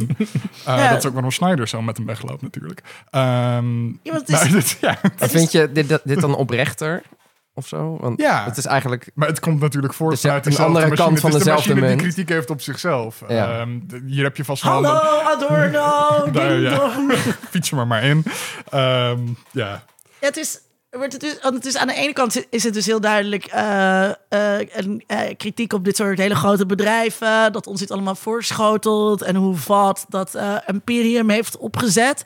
Maar aan de andere kant is het ook ehm, de, de soort. inmiddels in 2022 een soort van evidente kritiek die je moet hebben op superhelden. Van Who Watches the Watchmen. Eh, hè, zo, zo, daar zijn we wel naar, logisch naartoe geëvalueerd. Dus het was ook, denk onvermijdelijk dat er zo'n serie of een film zoals dit zou, zou komen. Waarin dit zo op deze manier. Het verbaast me eigenlijk dat het nog niet eerder is gedaan. Watchmen heb je natuurlijk gehad. Ja, Watchmen doet het, maar toch op een andere manier. Dit laat wel. Dit denkt hem nog een stapje verder eh, door. Ehm, met gewoon, oké, ja, je hebt een bedrijf en die ruimt dus letterlijk de mes op Ja. ehm, die, die er gemaakt wordt. Ehm, en ja, dus ik, ik, ik denk dat het ook onvermijdelijk was dat, zo, dat zoiets zou komen. En dat ook kijkers er wat dat betreft ook klaar voor, voor zijn. Dus je hoeft niet meer. eh, dit is een van, een van de onderwerpen van eh, de, de dissertatie van Dan Hessler Forrest. Eh, ook wel het gast geweest in deze podcast. Mediawetenschapper. eh, die gepromoveerd is op superheldenfilms. En een van de kritiekpunten was, weet je wel, van waarom richt Superman zich op, op een kleine misdaad en niet op het oplossen van wereldhonger of Ja. zo. En dat soort, dat soort vragen die Dan eh, toen nog een soort van obscuur in zijn proefschrift stelde, zitten het nu natuurlijk veel Ja. meer ook in de, in de mainstream eh, cultuur. Ja, je hebt letterlijk een scène waarin Annie denkt crime op te gaan lossen. Maar dat is gewoon voor een foto op. Ja. dat is gewoon... Ja. Ja. Kunnen, kunnen we ooit eigenlijk wel veilig zijn voor soups? Als ze zouden bestaan. Ja. Het is heel beangstigend, toch? Dat er door iemand zou bestaan als fucking Homelander. Ik denk dat, dat de wereld in deze serie misschien nog iets te, te, eh, te positief is Mm. dan wat het hier zou zijn. Ja, dat, dat, er, dat er niet genocide zijn gepleegd door, home, door een figuur als Homelander op Ja. dit punt is echt een wonder. Precies. Ja.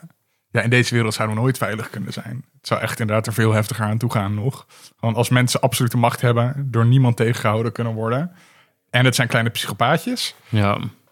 Dat komt niet goed. Ja, kijk naar die, eh, hoe heet die, die in die zwarte buurt eh, alle mensen in elkaar sloeg. Oh god, ja. Die ook nog. Die eh, op een gegeven moment de remspoor op de weg wordt. Blue, Blue, Blue. Falcon of zo? Blue. Nee. Eagle. Blue Hawk. Blue Hawk, Blue Hawk. Ja, ja, ja. Ja, als je, als je honderden van dat soort mensen hebt, rond, dan, dan je, je kan de Homelanders hebben, die kunnen heel veel schade aandoen, maar dat soort mensen die kan je ook niet tegenhouden. En Homelander kan je eigenlijk, kon, wat kan een Homelander alleen maar een soort van eh, bespelen met Ja. zijn populariteitsindex. Ja. Eh, waar I want people niet- to like me. Oh, ook zo heerlijk dat hij dan met zijn spiegelbeeld eh, Ja. aan Ja. het praten is. You're soft. Kies ik mijn zoon of mijn populariteit? Nou, Ja. populariteit. Ja. Duidelijk. Ja. Eh, maar dat, dat is wel. Dat, ik, ik vind dat een heel beangstigend eh, Ja. idee. Maar tegelijkertijd kan ik me dan dus ook weer niet voorstellen dat wat dus, als dat echt zou bestaan, dat ze dan dus soeps maken die zo krachtig zijn. Want je wil natuurlijk altijd je soeps. Je moet, geval moet, moet ze altijd onder controle kunnen houden. Natuurlijk. Ja, waarom, waarom Maar is. jij denkt hè? dat eh, zo'n bedrijf niet slecht gerund kan worden? Want ik dacht van, eh is heel onverantwoord allemaal, maar ik, ik, ik, in de context van de wereld snapte ik het wel een beetje eh, meer winst, meer, meer, meer. Maar in seizoen 1, later als Homelander ook weer meer macht verkrijgt of zo, maar in seizoen 1 wordt het wel heel sterk neergezet dat, eh, oké, je hebt, je hebt de Seven, dat is allemaal leuk, maar corporate zit, eh, zit eh, boven op een hogere etage. Die zie je ook eigenlijk niet. Mr. Edgar, eh, trouwens fantastische rol van Ja. ehm, eh, Giancarlo Esposito. Ehm, die zie je bijna niet, maar dat het soort, dus heel duidelijk dat zij de touwtjes eh, in handen Totdat hebben. ze het niet meer hebben. Ja. Ja. Ja, dat daar hebben ze wel een inschattingsfout. ja, maar dat was onvermijdelijk natuurlijk, dat dat ging gebeuren. Ja. maar Dus hij- dat bedoel ik, zo'n inschattingsfout. Die, Ja. die zou Want hij zei toch worden. ook heel erg van, we zijn eigenlijk een pharmaceutical bedrijf. Ja. En daarnaast, Hij zei, ik geef nog vijf jaar of zo. ja. En ze hebben natuurlijk ook eh, die Soups Terrorists gemaakt. In het eerste seizoen was of tweede maar dat was seizoen? Homelander zelf, dat was niet Edgar. Ah, ik dacht dat... Ja. oké, wacht. Ja, dus inderdaad wel om... Was dat Homelander? Ja, volgens mij was dat Homelander en niet Edgar. Volgens mij wist hij er Oh. niet van. Nee, volgens mij Sorry, was het wacht. wel... Ik heb het no- net nog allemaal vandaag in me, tot me opgenomen. Wat was het? De vraag? Eh, of Homelander of eh, Mr. Edgar. ehm, Die. De terrorist. dat is 100% Homelander. Zei Ja, Oké, Dijk. Ah, oké, oké. dan herinner ik me dat. Want Maar zijn, ja. eh, zijn vriendin slash moeder figuur, Ja. die, die hij, die hij eh, Lasert in de weg, ogen. weg- in de ogen lezen, die wist van niks. En eh, Mr. Edgar wist ook van niks. Dat was ook zo dat hij, eh, dat hij daar moedermelk gaf. Ja, Eh, wat ik dan weer oh. raar vond, dat je ook een personage hebt dat Mother's Milk heet. Oh ja. Ja, maar in de comics dus, ik ben niet zo ver gekomen dat ik hem heb gezien in de comics, maar is hij volgens mij een soort van een minor soup die alleen zijn powers houdt op het moment dat hij moedermelk drinkt. Oké. Oh ja, daar wilde ik eigenlijk nog meer aandacht voor in de serie. Mensen met nutteloze superkrachten.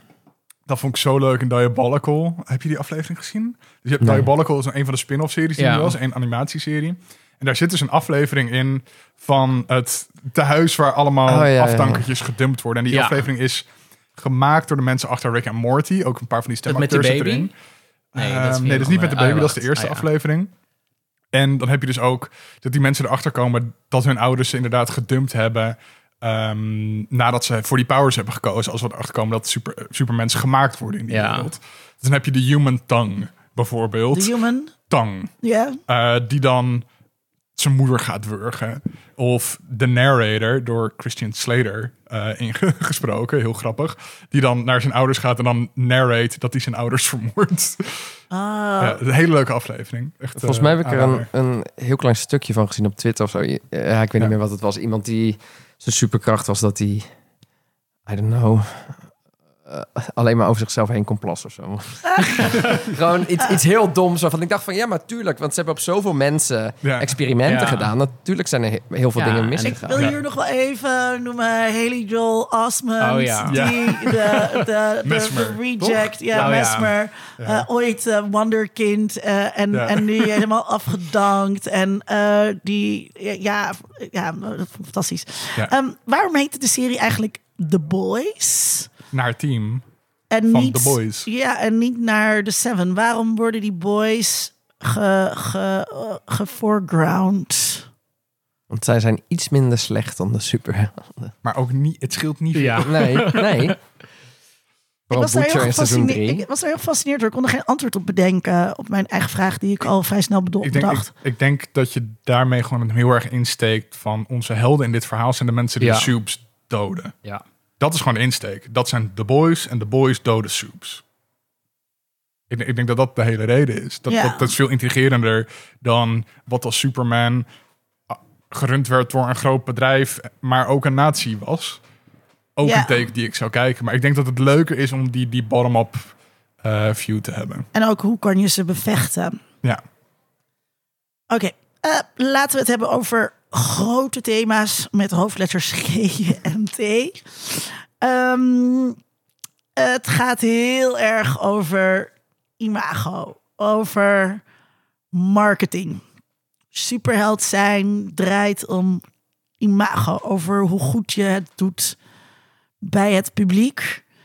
En wat er ontbreekt eigenlijk in die hele wereld is een ethiek van het goede. Wat Mhm. is nou het juiste? Wat maakt een superheld? Daar wordt eigenlijk helemaal niet over nagedacht. Hebben Je jullie hebt daar krachten, punt. alleen de krachten? Ja. Ja, waarmee het onderscheid tussen een supervillain of een superterrorist of een superhero alleen maar ligt in de framing, Ja. in de marketing van Ja. Ja. het personage. ja, precies. Totaal geen overeenkomst met onze wereld natuurlijk. geen vergelijking. Ja, Nee. Maar dat is natuurlijk... Ja, dat, de, de kern denk ik van de kritiek van The Boys eh, is... eh, ik, ik las dat ook ergens dat... ehm, je denkt dat The Boys... eh, ehm, de vraag is van wat als Superman slecht zou zijn... maar wat, is, wat als een celebrity Superman zou zijn? ja, Dat is eigenlijk waar het echt om draait. ja. Eh, om om, Maar om onze, heldenstatus. en we hebben natuurlijk onze celebrities ook tot supermensen gemaakt. Ja, ik bedoel, een, een acteurs, de Ka- Kardashians, de Obama's nu, eh, weet ik veel wat. Eh, dat zijn allemaal soort van helden die Mhm. een bepaald imago heb- hebben. En je weet helemaal niet wat achter de schermen gebeurt. Dat is natuurlijk wat MeToo precies was. Is dat je dan ziet wat er achter de schermen bij al die helden van jou aan het gebeuren zijn. Want natuurlijk, dat zijn mensen met veel te veel macht, veel te veel status. Waar alles voor gedaan wordt om ze maar tevreden te houden. Mhm. En om het bedrijf runnende te houden. En dat is precies waar de boys over gaat, wat Ja. mij betreft. Patrick, ga jij hierdoor dan ook anders kijken naar Marvel superhelden?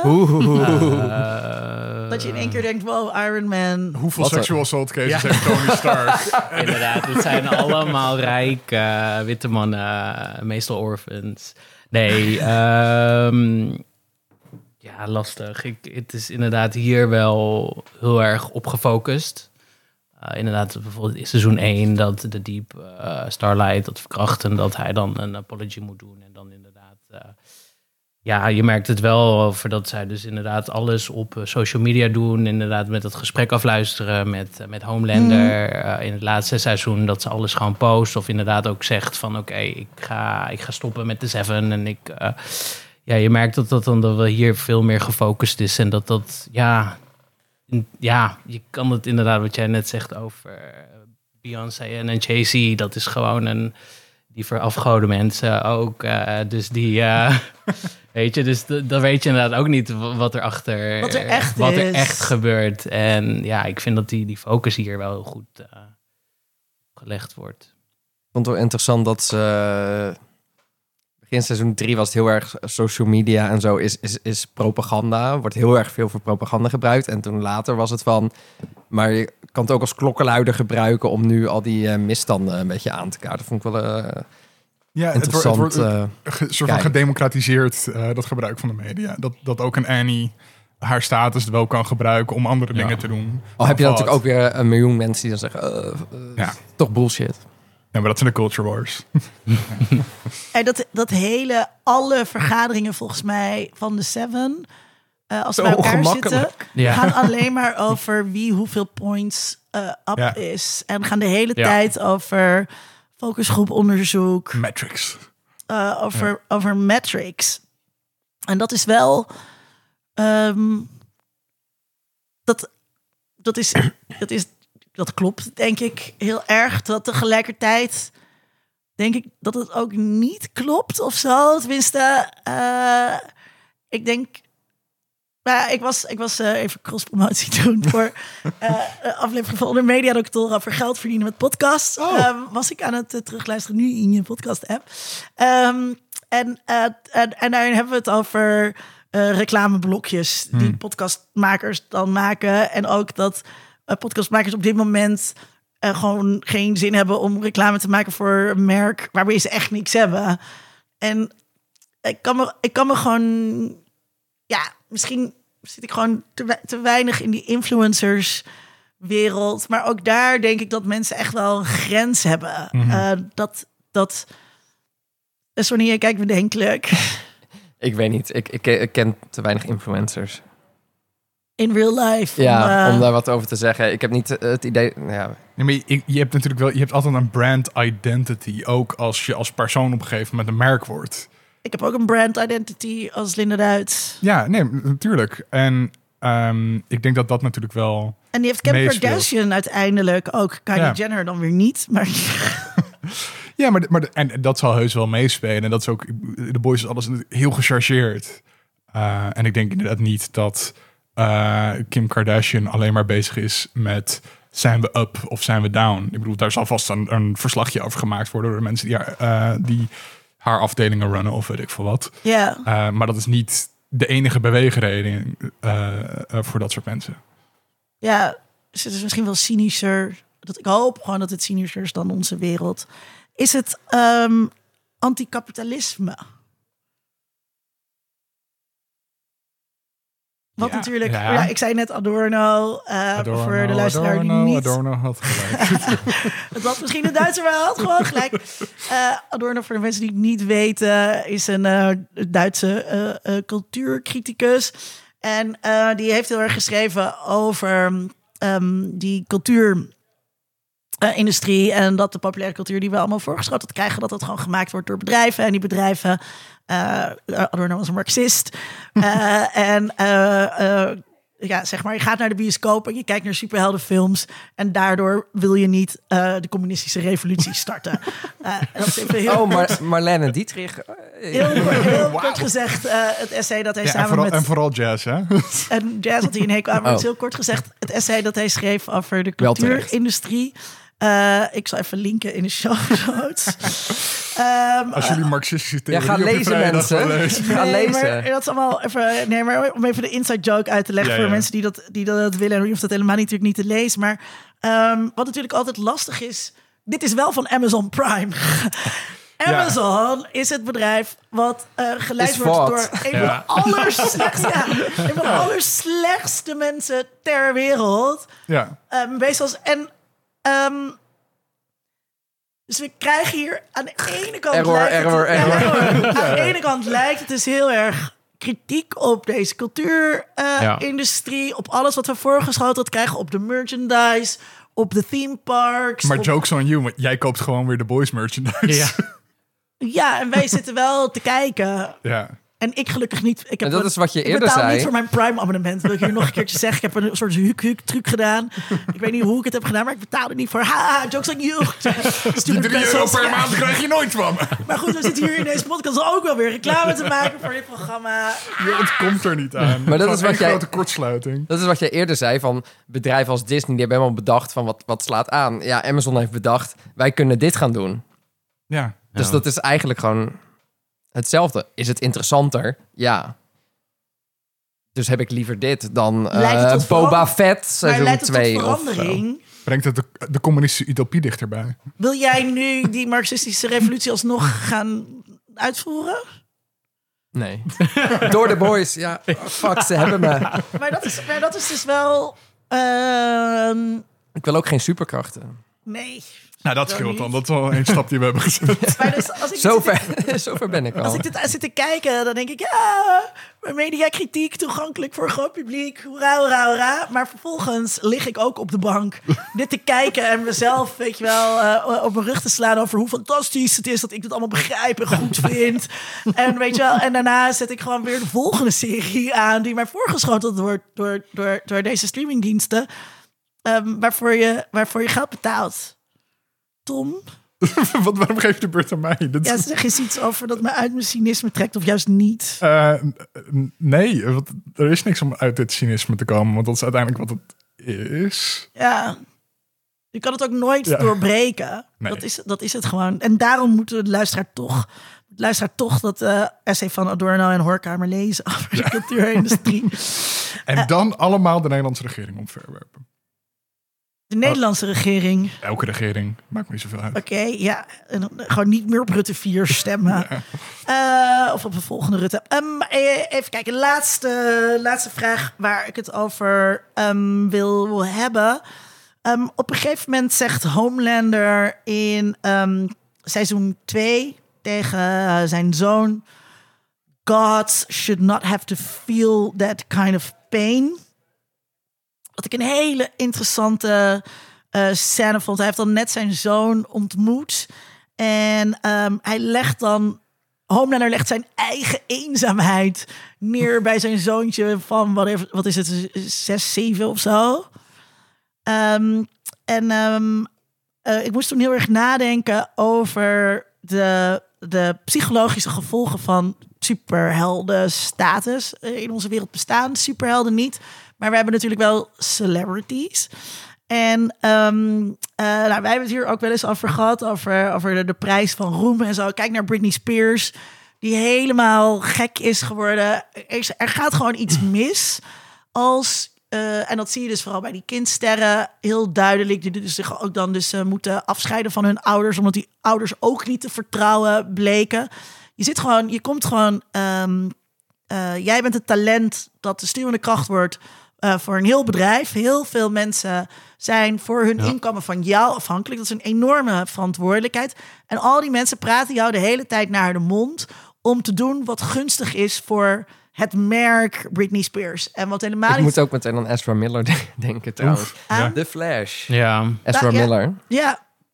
En eh, wat dus helemaal niet gunstig is voor de persoon, maar heel erg voor het merk. En dat je eigenlijk van niemand eh, op, op aan kan. Dus hoe moet het zijn eh, om, om superheld te zijn? Ik ja, weet je wel, Homelander is natuurlijk een afschuwelijke villain. Maar je kan ook, ik heb ook mega veel geen sympathie, maar wel een soort van empathie met hem. Want het is ook gewoon heel kut wat hem Ja. is aangedaan. En hij is ook veel te machtig. En ehm, hoe Het ligt een beetje aan je krachten, Ja. denk ik ook. Ik denk als jij... Ja, wie is niet heel sterk? Oh, ja. Oh, wacht. Blue, eh, Blue Hawk was, was niet heel sterk en die was ook Ja, een was- lul. Dus eh, eh, lastig. Ah, die gast met die... eh, wat was die van die orgie? Met de uh, Lost Sausage. Ja, die heeft waarschijnlijk prima leven. Ja, fijn. Of misschien is die een beetje arrogant. Ja, ik weet niet. Ik denk, ja, hoe sterker je wordt, hoe, eh, hoe lastiger dat, dat psychologisch zal zijn, Ja, denk ik. dat denk ik ook. Want je hebt natuurlijk bijvoorbeeld als Starlight, die is ook vrij humble.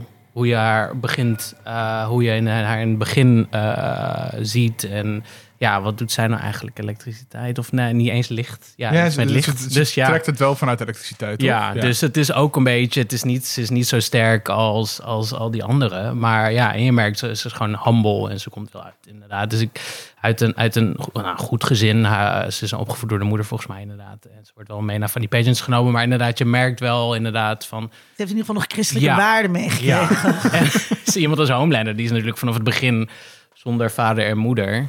Ja. Eh, Alleen maar, ja, dus ik denk dat dat inderdaad wel heel veel, eh, heel veel verschil maakt. Het verschil maakt. gebruikt ook de Ehm, hele tijd door mhm. andere mensen. Ja. Dat, dat, dat dus. Dat je de hele tijd gebruikt wordt door andere mensen. En dat je daar dus ook eigenlijk niemand kan eh, vertrouwen. Dus, ehm, dus ook als je zeg maar, als je, nou, jij bent ook op tv geweest. Eh na de hand zegt, zeggen alle redacteuren, alle mensen van de productie de hele tijd: Oh, was geweldig, was fantastisch. Dan ging word je zo nooit goed. meer uitgenodigd.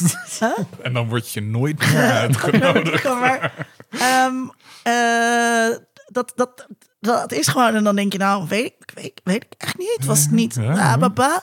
En op het moment dat je dan dus niet een, eh, no- gewoon normale mensen om je heen hebt, die kunnen zeggen van, nou, pff, je- misschien moet- Linda moet je iets langzamer praten of zo. Ja. Maar eh, weet je wel, dat, want iedereen wil je alleen maar naar de mond praten. Dat geeft een hele zieke situatie. Ja, dat vond ik wel een mooi historisch voorbeeld van... eh, in de Rome als je een. Sorry voor deze side note, maar dat is wel leuk. Eh, Luister, alle geschiedenis ooit. eh, maar Oké, dat is de laatste crosspromotie. Maar het was geen crosspromotie. Ik wilde gewoon zeggen... In Rome, als je een triomf kreeg als generaal... dan stond er in je koets achter je een man... en die fluisterde de hele tijd in je hoofd... Hé hey man, denk eraan dat je doodgaat. Je gaat dood. Je bent sterfelijk. Net als al deze mensen hier, je gaat dood. Denk daar vooral aan. Denk dat je doodgaat. Om, de om, Fantastisch. om de, de grond te eerzucht houden. te En dan sta je daar zo, beperken. Ja. Ja, dan sta je inderdaad zo te zwaaien naar het publiek... en er staat iemand in, de hele tijd in je oor te fluisteren van... Memento mori. Memento mori, bro. ja, heel goed. Moeten we altijd doen. Maar was dat om, om dat te... Ja, om, om ervoor te zorgen dat, dit was tijdens de dagen van de Republiek, om ervoor te zorgen dat niet één iemand van die eh, eh, elite ineens zou gaan denken van, hé, maar misschien kan ik hier de macht wel overnemen. Ja, Ja, dat is heel erg het idee daarvan. En dat, dat houdt je gewoon wel een beetje bij de grond, hopelijk. Was het idee daarachter. als een soort van eh, checks and balances. Ja, Dus ook, bij een, soort psychologische checks en balances. Maar ja, als je dat dus inderdaad niet hebt... en iedereen zit alleen maar, oh fantastisch... omdat iedereen van jou afhankelijk is voor hun eigen inkomen... Ja. en hun eigen status... houdt dat een beetje op natuurlijk. Maar Ik denk dus dat het wel interessant is wat jij ook zegt over Starlight. En eh, dat zij dus wel een soort van goede keuzes maakt. En dat dat dus misschien wel ingegeven is omdat zij wel opgegroeid is in het, in het christendom. Eh, binnen eh, een soort Wat voor deze serie dan ap- een aparte boodschap is. hele aparte... Ja, maar, maar dus in ieder geval zit daar nog een ethiek achter. Want die corporate moraliteit van VOD is echt alleen maar eh, winst voor de aandeelhouders. Eh, en voor de rest bestaat er, bestaat er helemaal niks. En Maar dan is het grappig om dat in het klein te zien als eh, Butcher die eh, superkrachten krijgt. Mhm. En eh eh, Yui. Dat zij ook meteen een slechter mens worden. Ja. Ja. Ja. Mhm.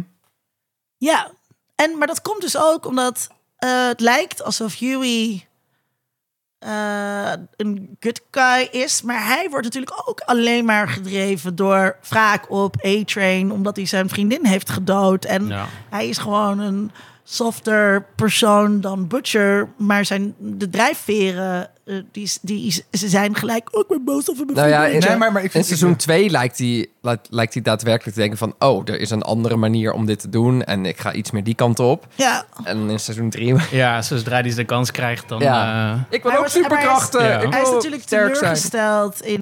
De headplopper. ja. Yui kan natuurlijk niet gewoon eh, straight gaan, natuurlijk. Hij kan niet gewoon een normale baan als ambtenaar gaan hebben... die een soort government oversight committee eh, helpt. Ja, dat is niet leuk voor de drama. Hey luisteraar, Tom hier vanuit de edit. Op dit punt viel Linda's mic uit, dus is het gesprek niet echt meer te volgen. Gelukkig waren we al bijna op het eind, dus missen jullie niet veel. Ik pak hem weer op vanuit de terugblik. Patrick begint. En de eerste twee minuten kan het soms nog wat gek klinken, maar daarna valt Linda's mic weer in, dus is het weer helemaal in orde. Joep. In a world. In a world. World. World. World. In a world. Nou, ehm, als ik er twee moest benoemen, ook deze week. Ik ga vrijdag eh, naar twee films in de bioscoop. Eh, ik begin met de Dragon Ball eh, film. Dragon Ball Super. Oh ja. Ehm, ja. dus daar ga ik eerst heen en daar ben ik erg, eh, eh, eh, heb ik erg veel zin in. Ik heb alles van Dragon Ball Super gekeken. Broly vorige week nog gekeken. Die stond op Amazon Prime ook. Dus eh, vrijdag eh, naar Dragon Ball Super Superhero. Beste animatie openingsweekend in Oké. de geschiedenis. En ik denk van, Oh. Dragon Ball is terug. Mijn, Ja. mijn jeugd, iedere twa- Ja. 12 jaar, iedere middag naar school Dragon Ball kijken. Ja, maar zelfs de laatste, laatste eh, seizoen heb ik ook gezien. Ja, het, blijft gewoon goed. Het is inderdaad iets wat, je, wat ik altijd kan kijken. En daarna ga ik naar eh Spider-Man de Extended Version. De more fun version met extra 11 minuten. 11 minuten extra eh, aan eh, deleted scenes. In de bioscoop heb ik hem nu drie keer gezien. En thuis ook een paar keer. Dus nu, ja, dit is gewoon, ja, dit was een van mijn, dit is mijn all-time, een van mijn all-time favorites. En nu natuurlijk met extra 11 minuten en nieuwe after credits zien. Dus ik ben heel benieuwd. Dus daar ga ik vrijdag ook heen, achter elkaar. was al echt ook van het geld uit de zak van ja. Zeker. Ja, want waarschijnlijk ga je hier nog wel weer drie keer ehm uh, hele straat toch in wordt blij van. Ja. Zo is het bij. Maar, Ja. ja, Ja. Sony, waar kijk jij naar? Ja, ik vond het lastig, want ik zat naar eh, films te kijken die uitkomen. En het is even eh, pauze. eventjes. eh, pauze of- ja, ik-. En ik dacht om nou eh, eh, eind november te nemen. Dus, series. Eh Hand- Handmaid's Tale.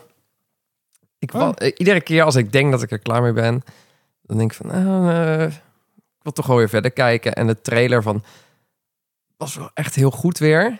Dus van, hoe vaak kan je weggaan en terug? Ja.